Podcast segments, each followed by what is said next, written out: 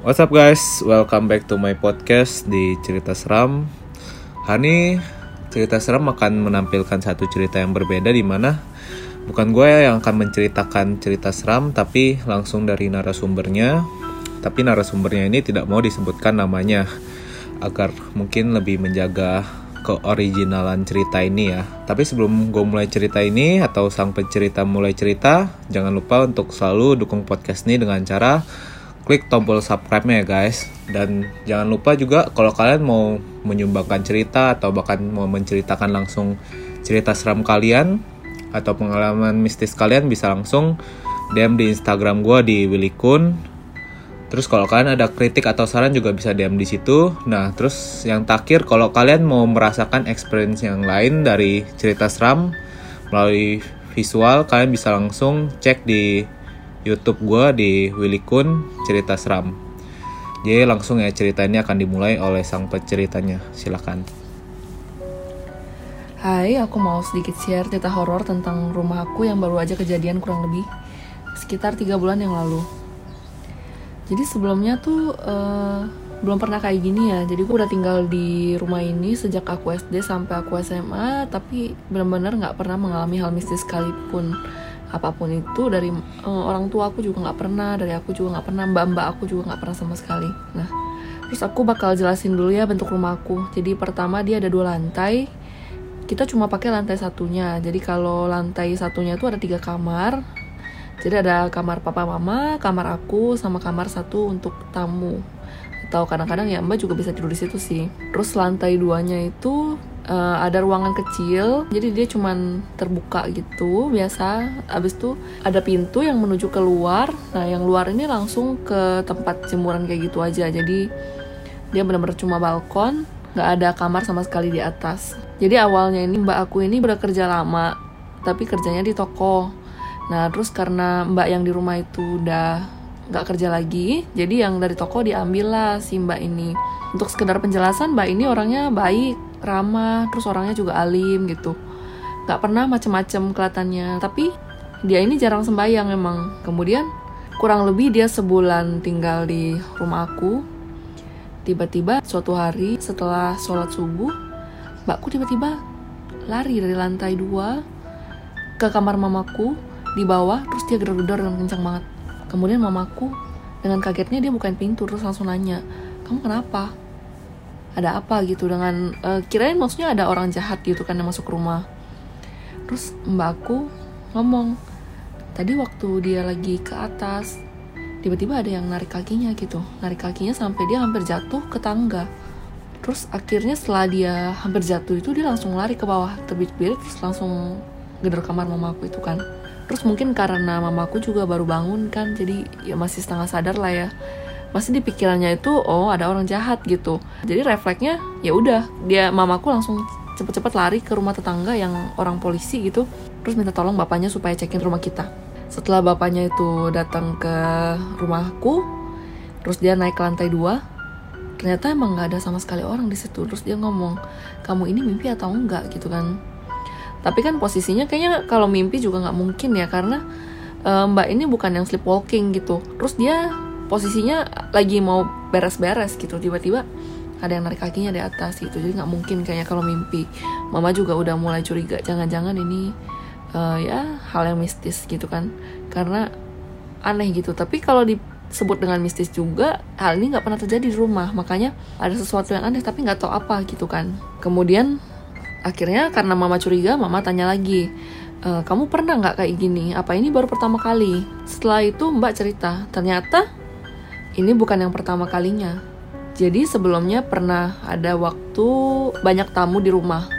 Jadi mbak nggak bisa tidur di kamar kecil, mbak tidurnya di lantai dua gitu. Dia tidur sendirian di lantai dua.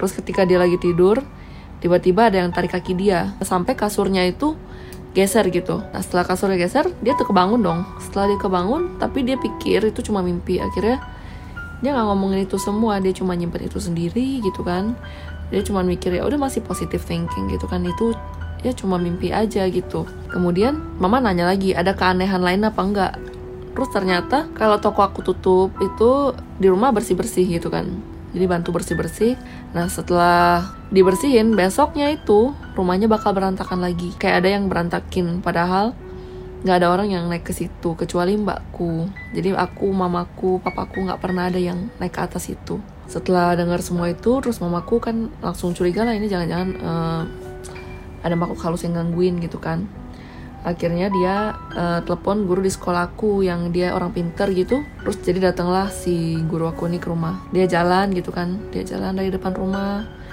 sampai ke kamar-kamar. Dia bilang aman kok nggak ada apa-apa dia bilang gitu. Setelah dia nyampe ke tangga yang terakhir sebelum ke lantai dua dia dongak ke atas. Terus dia langsung bilang hmm, ini ada gangguan ini. Ada sosok tinggi besar hitam laki-laki e, ini bu mau diusir aja. Terus mama bilang iya mau diusir aja. Akhirnya diminta lah garam dengan air kemudian dengan doa-doa kemudian beberapa langkah sampai akhirnya udah selesai itu pengusirannya. Kemudian mbak aku juga didoain supaya uh, dijauhkan dari yang makhluk halus seperti itu.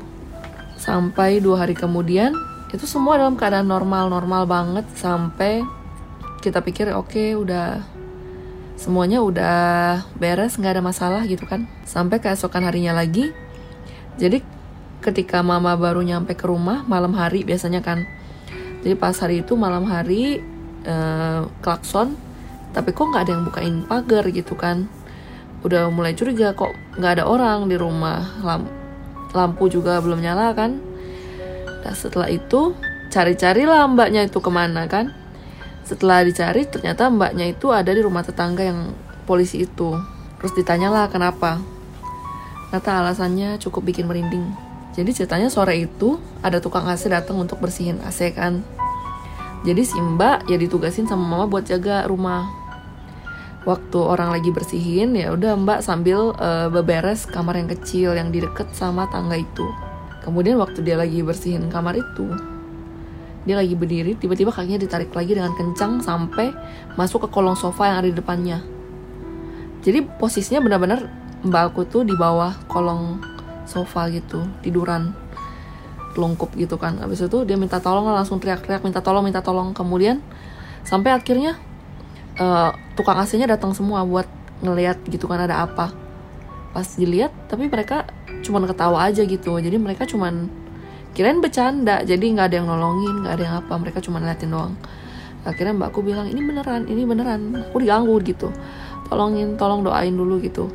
Akhirnya bapak-bapak ini semua pada doain gitu kan. Doain dia.